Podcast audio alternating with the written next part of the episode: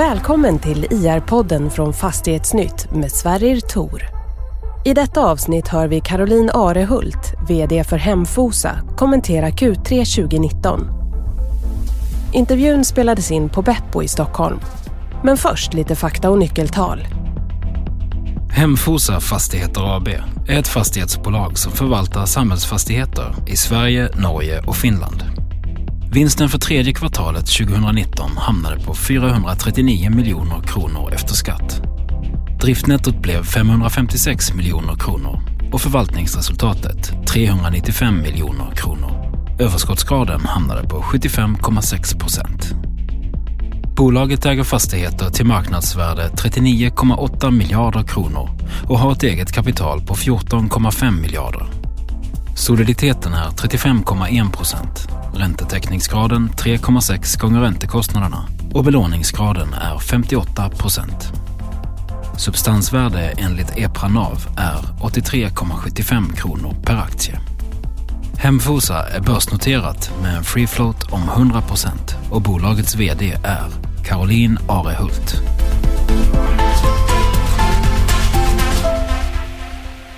Hej Caroline, välkommen till IE-podden. Hej, tack. Kul att ha dig här. Jag har försökt med din företrädare men det var, han var inte lika lättflörtad. Nej, okej. Okay. Ja, ja. men kul att ha ett nytt samhällsfastighetsbolag i podden. Hemfosa är ju inte ett anrikt bolag kanske men ni har några år på nacken. Mm. Fast nu är det lite nytt. Om, alltså man har ju renodlat rätt mycket och, och ny, nytt ledarskap och sådär. Men vad är Hemfosa? Eh, ett fastighetsbolag som fokuserar på samhällsfastigheter. Mm. Eh, och som du säger har vi ju funnits ett tag sedan 2009 och det har ju varit en lång resa, en väldigt snabb tillväxt. Och nu går vi väl in kan man säga en annan fas då, där vi fortsatt ska ha tillväxt men där vårt fokus är på samhällsfastigheter. Mm. För det var ju tanken från början att det skulle vara samhällsfastigheter men det blev, lite, det blev en hel del annat också, det som idag heter Nyfosa. Mm. Eh. Och det tillkom till bolaget i höstas. Ja, för ja. drygt ett år sedan. Mm. Ja, precis. Och du har varit på Skanska innan. Mm. Skillnaden på att bygga kontorsbyggnader och, och leda ett fastighetsbolag? Eh, ja, då ledde jag ju ett eh, dotterbolag som höll på med projektutveckling. Mm. Så att leda bolag har jag ju hållit på med även om det var i en annan kontext så att säga. Eh, men om man ska jämföra kontorshus med eh, samhällsfastigheter så är det väldigt mycket som är lika. Eh, den stora skillnaden för mig är ju att jag nu är en långsiktig fastighetsägare. Som projektutvecklare, så som Skanska utvecklare, så var det ju mer att sälja då kanske mm. när man är klar. Nu har vi ju som strategi att ha ett eh, fastighetsbestånd och växa det långsiktigt. Så det är ju en ganska stor skillnad. Mm. Och det tycker jag är jättekul, just att kunna ha de här långsiktiga hyresgästrelationerna. Mm. Och långsiktigt är ju bara förnamnet när det gäller samhällsfastigheter. Det är långa kontrakt, stabila hyresgäster, mm. oftast i alla fall.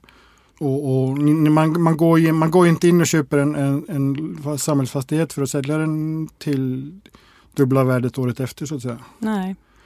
För det här är ju, det finns ju en, du nämnde ju det vd-ordet, ni, ni går ju inte på på tillväxt, ekonomisk tillväxt eller, eller liksom efterfrågan i samhället utan mer på den demografiska trenden mm. som, som, är att, att det växer i båda ändar så att säga. Mm. Äh, äldreboenden, äh, skolor. Ni har ju haft en hel del kåkfarare också bland era kunder va? Ja, kåkfarare vet jag inte. Eller alltså fängelser och kriminalvårdsfastigheter har väl? Ja, kriminalvården har vi precis. Ja. Inte, jag har ställt den här frågan till andra samhällsfastighetsägare men är inte det lite, ändå rätt spretigt även om allting kategoriseras i samma grupp? Ja, alltså verksamheterna såklart har ju, är ju väldigt olika men det som är lika är ju att det är ofta specialanpassat, att det är långa hyresavtal, att det är eh, finansierat av eh, i slutändan staten. Eh, så att det finns ju mycket likheter också även om verksamheterna kan skilja sig från eh, som du säger, kriminalvård till eh, skola eller eh, äldreboenden. Men det finns mycket likheter också. Från vagga till grav med fängelset i mitten. Ja, om man går den vägen. Slä, släppa, släppa den. Men, men ni är ju börsnoterade vilket är lite ovanligt för eh, samhällsfastighetsbolagen. De är ju ofta ägda av, av institutioner vilket ni är ju också för all del. Ni har mycket institutioner i. ägarkonstellationen. Men varför är det bra att vara börsnoterat som ett samhällsfastighetsbolag? Ja, nu har jag ju inte någon referens till att inte vara det, men eh, nu kom jag ju från även ett börsbolag innan dess. Jag tycker att eh, det är en väldigt bra fokus på att skapa goda affärer och det tror jag faktiskt gynnar både våra kunder och våra aktieägare. Att det inte finns eh, några, vad ska man säga, politiska beslut liksom i det utan att det är vad som är bäst för våra hyresgäster och våra fastigheter. Så att eh, det, det är väl en fördel som mm. jag tror som sagt gynnar både aktieägare och våra hyresgäster. Att vi är en, en uh, duktig och uh, har en väldigt kompetent förvaltning och att vi uh, jobbar på ett effektivt sätt. Mm. Det finns ju en liten, jag vet inte om det är fördel eller nackdel, men det är till exempel det som händer i måndags på, på svenska börsen när i stort sett alla fastighetsbolag dras över en kam av, av marknaden och Hemfosa följer med 5% den dagen. Även om ni inte har någon nettouthyrning på kontorssidan. Som var ju det som eh, enligt eh, vissa analytiker var det som triggade fallet. Men om, om man tittar liksom utifrån en börs en småsparare som, som sitter och, och förvaltar sin pension på något sätt. Varför ska man äga en aktie i Hemfosa?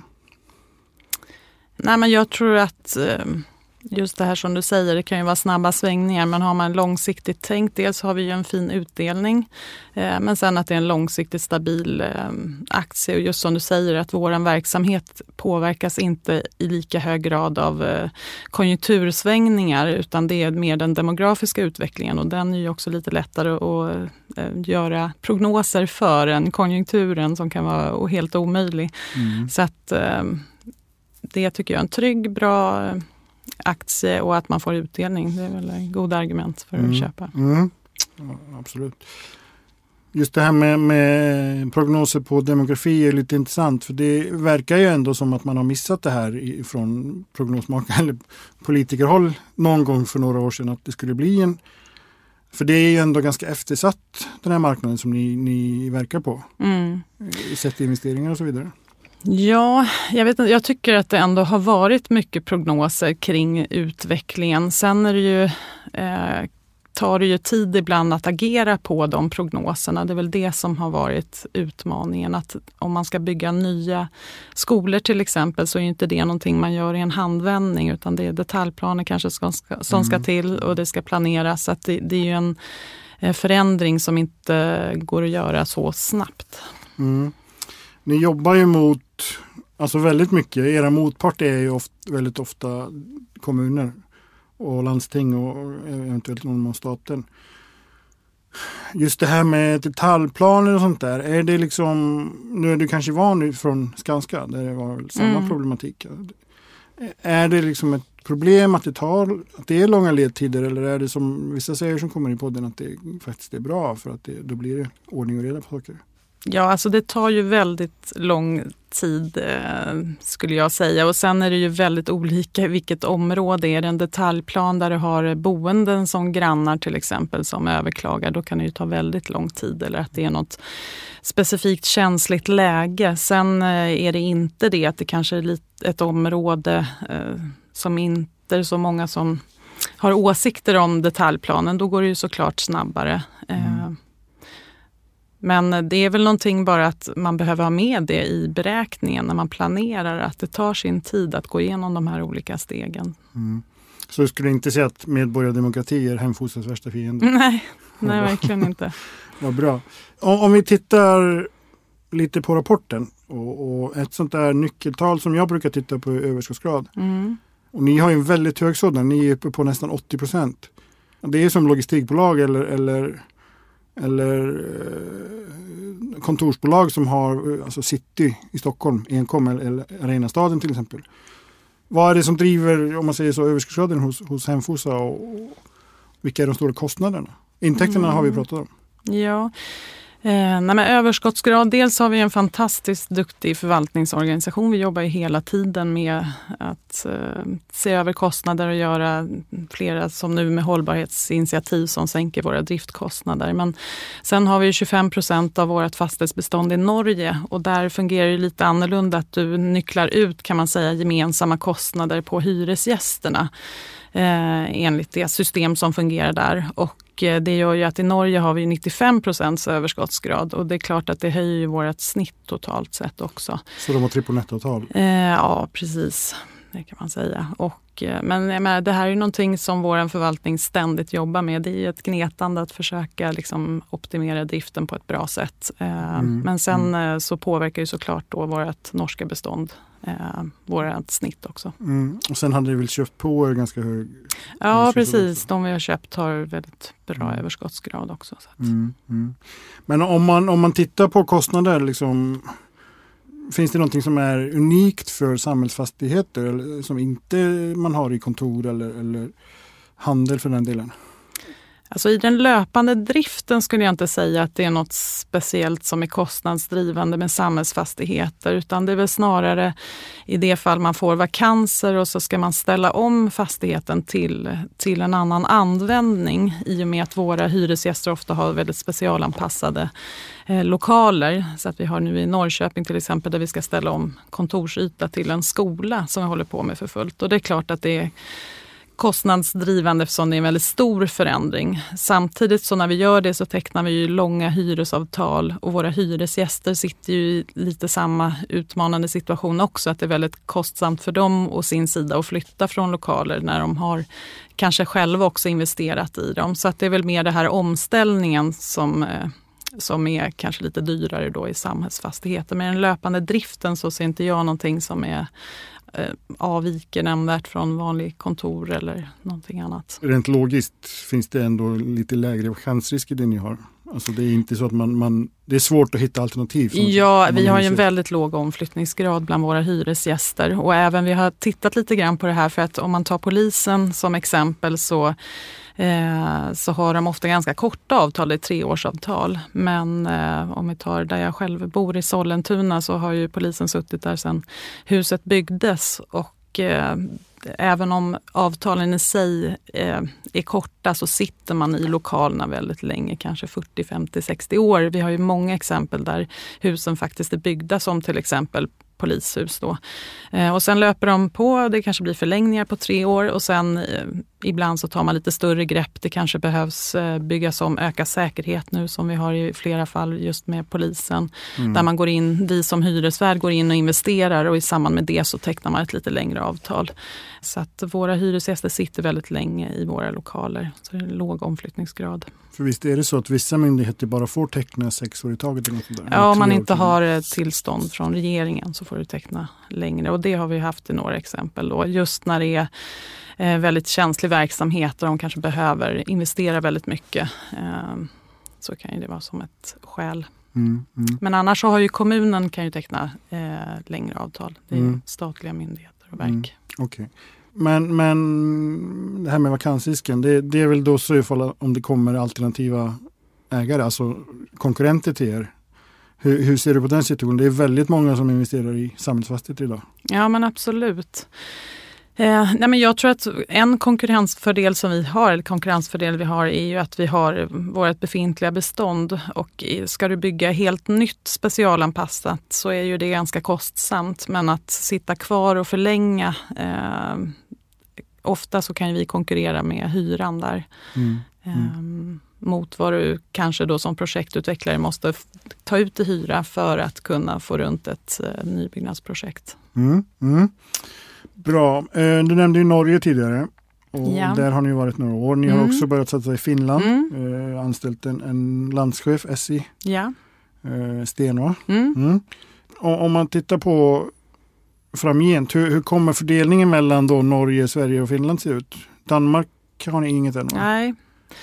Eh, nej men när vi gjorde vår affärsplan eh, inför förra årsskiftet så tittar vi på de geografiska marknader som vi var på och även de vi inte på, var på. Så vi, klart vi funderade lite över Danmark. Men vi kände att de tre marknader som vi är i, Norge, Sverige och Finland, vi har massa möjligheter kvar där att jobba vidare med. Och kanske framförallt då Finland där vi som du säger, vi har inte haft någon egen personal utan det är ju mm. först nu som vi eh, har börjat med att rekrytera en landschef. Så att jag tror absolut att vi kommer ta kliv framåt i Finland och det är också den marknad som jag faktiskt ser som eh, kanske mest spännande vad det gäller affärsmöjligheter just nu. Mm. Eh, där jag tror att det är möjligt att göra lite större förvärv också. Så att, eh, jag är helt säker på att vi kommer se fler affärer från oss i Finland. Mm. Och där är det väldigt många svenska aktörer. Det är ni, det är Hemsö, SBB ja. och någon till antar jag. Ja. Eh, men du, du vet inte hur, hur alltså ni har inte definierat hur, hur stort det kommer vikta i portföljen? Eller så. Ja, vi har inte öronmärkt pengar varken för någon geografisk marknad eller något segment som skola eller rättsväsende utan vi, där vi får bästa avkastning, där är, det är där vi kommer investera våra pengar. Och det mm. gäller ju både förvärv och projekt även. Så att, eh, mm. Mm. Det är nog bra med den här interna konkurrensen tror jag om pengarna. precis, precis. Pengar är ju bristvara höll jag på att säga, men det är de inte idag. Men de finns ju, det, det här är en väldigt kapitalintensiv sektor och, och det finns många sätt att, att, att, finansiera sig. Ni har ju nyligen emitterat gröna pengar, ni har mm. varit aktiva på obligationsmarknaden. Eh, hur ser strategin ut framgent? Eh, blir det mer grönt? Har ni några euro, eurobonds ute? Nej, Nej, men äh, jag tror absolut att uh, hållbarhet både i finansiering men rent generellt är den enda vägen att gå framåt. Så att vi kommer uh, med största sannolikhet absolut att emittera nya gröna obligationer. Men sen vi vill ha en bra mix i vår finansiering. Så banklån och obligationer och certifikat. Men där tyngdpunkten är på banklån. Mm. Och det, det fortsätter vår strategi framåt också. Eh, sen lånar ju vi i lokal valuta, så i Norge lånar vi norska kronor, i Finland i euro. Så att eh, vi, vi har ju även banklån så att säga i andra valutor men inte obligationer idag som det ser ut. Men det, det är ingen omöjlighet? Ja, alltså får vi ett större bestånd i eh, Finland så skulle det kunna vara en möjlighet till mm. exempel. Mm. I vd-ordet så nämner du att det har faktiskt gått bättre än förväntat i år. Mm. Eh, man pratar ju om, om, om fastighetsbranschen som, som ett lok på börsen. Det går ju väldigt bra. Eh, börsen har gått upp fram till då i måndags över 40 procent i år. Och, eller fastighetsindex. Och, och, du säger det själv att nio månader liksom förvaltningsresultat är över förväntan till och med. Ett tillväxtmål har ni kommit längre än ni hade tänkt mm. så här långt. Vad händer? Varför? Varför ja. vi lyckas? Eh, ja, men som det har varit nu så är det väl framförallt eh, våra förvärvstakt som har varit eh, högre än vad vi kanske hade gissat från början. Och eh, en anledning till det är att vi har ett fantastiskt transaktionsteam lett av Anna Alsborger. Sen är hon såklart uppbackad av eh, finansgänget och även vår lokala förvaltningsorganisation som är ute hela tiden och försöker hitta affärsmöjligheter. Så vi har ju haft eh, möjlighet just att få lite off-market affärer och mm. få, få riktigt bra affärer. Så att det är tack vare en väldigt stark organisation. Okej, okay, okej. Okay. För det är ju, det här med förvärv är ju intressant. För det är som sagt det är stor konkurrens om, om, om produkterna som det heter i, i branschen. Och det är många som kommer in för att köpa framförallt på, på äldreboendesidan. Skolor är lite mer, lite väl, lite mer specialiserat men, men är det lätt att hitta liksom, hus att köpa? Ja, lätt skulle jag inte säga att det är, men eh, det går ju absolut att göra affärer. Det har vi visat eh, framförallt här innan sommaren där vi gjorde väldigt många fina affärer. Så att, eh, jag tror att det gäller att eh, dels utnyttja kontaktnät, vårt kontaktnät som vi har. Eh, vara lite smart att titta kanske där inte alla andra tittar. Att de här väldigt enkla affärerna och rena, där är ju konkurrensen som tuffast. Så att, då kanske man får titta på de som inte är helt eh, okomplicerade och se möjligheter i det istället. Och sen fördelen för oss är att vi har tre geografiska marknader och att vi också inom Sverige till exempel ganska utspritt så att det finns ju konkurrenter till oss som är fokuserade på eh, bara de tre största eller de största mm. mm. regionerna medan vi har ju ett mer utspritt liksom bestånd och också möjlighet att titta på lite andra orter än andra gör. Så att, eh, Men lätta färger, det tror jag, det finns det nog aldrig. Det har jag aldrig varit med om någon gång i mitt yrkesliv. Utan allt, det gäller att liksom vara kreativ. Mm. Eh, jag har ett distinkt minne av när jag började på Fastighetsnytt och skrev. Det är en av de först, första nyheterna jag skrev var att Hemfos hade köpt någon form av kriminalvårdsfastighet. Ett häkte tror jag, Arvidsjaur eller sånt där. Mm. Har ni fortfarande sådana? Är ni så spridda menar jag? Ja, alltså vi fokuserar ändå på regioner med någon slags tillväxtpotential. Sen behöver inte just den orten ha det, men man ska ändå tillhöra en region. Så i Sverige, om vi tittar där, så finns vi ju södra, mellersta och Norrlandskusten. Vi finns ju inte Norrlands inland av det skälet. Då. Där tror vi det eh, framtidsutsikterna är lite tuffare. Så, att... så inga häkten kvar i Arvidsjaur? Ja, det tror jag inte. Men, men det här med att ni är börsnoterade, ni är liksom etablerade, ni är väldigt specialiserade på samhällsfastigheter. Mm. Är det en fördel till exempel när man pratar med kommuner som vill sälja ja, äldreboenden eller skolor? Alltså, jag tror att våran fördel när vi träffar kommuner det är dels vår långsiktighet, visa att vi har varit i den här mm, samhällsfastighetssegmentet väldigt tidigt, en av de första. Eh, men sen skulle jag säga att vår lokala förvaltningsorganisation snarare är styrkan, för det märker vi när vi är ute och pratar med kommunerna att de vill gärna ha personer och kontakt personer som känner till deras utmaningar och möjligheter i den kommunen. Inte att vi kommer från Stockholm och tror att vi förstår oss på dem eller vill göra affärer. Så att vår lokala förvaltningsorganisation skulle jag snarare säga är styrkan än att vi är ett börsbolag eller mm. andra parametrar. Så att eh, det tycker jag är vår styrka. Att vi har funnits med länge, vår långsiktighet och vår lokala förvaltningsorganisation. De vill inte behöva ringa ett callcenter i Indien? Liksom. Nej, Nej. Mm. och inte Stockholm heller för den delen. Eh, om man tittar ut genom fönstret så är det svårt att tro att det är mindre än två månader till jul. Mm. Nu, nu är det snart jul. Vad, vad, hur, hur är du på julen? Ja, jag är inte så himla så här traditionsbunden. Jag vill bara äta god mat och umgås med min eh, familj, nära och kära. Så att, uh, har inte så här måsten som, uh, som jag måste göra. Utan... Det låter som en perfekt jul. Stort ja. tack Caroline. Tack.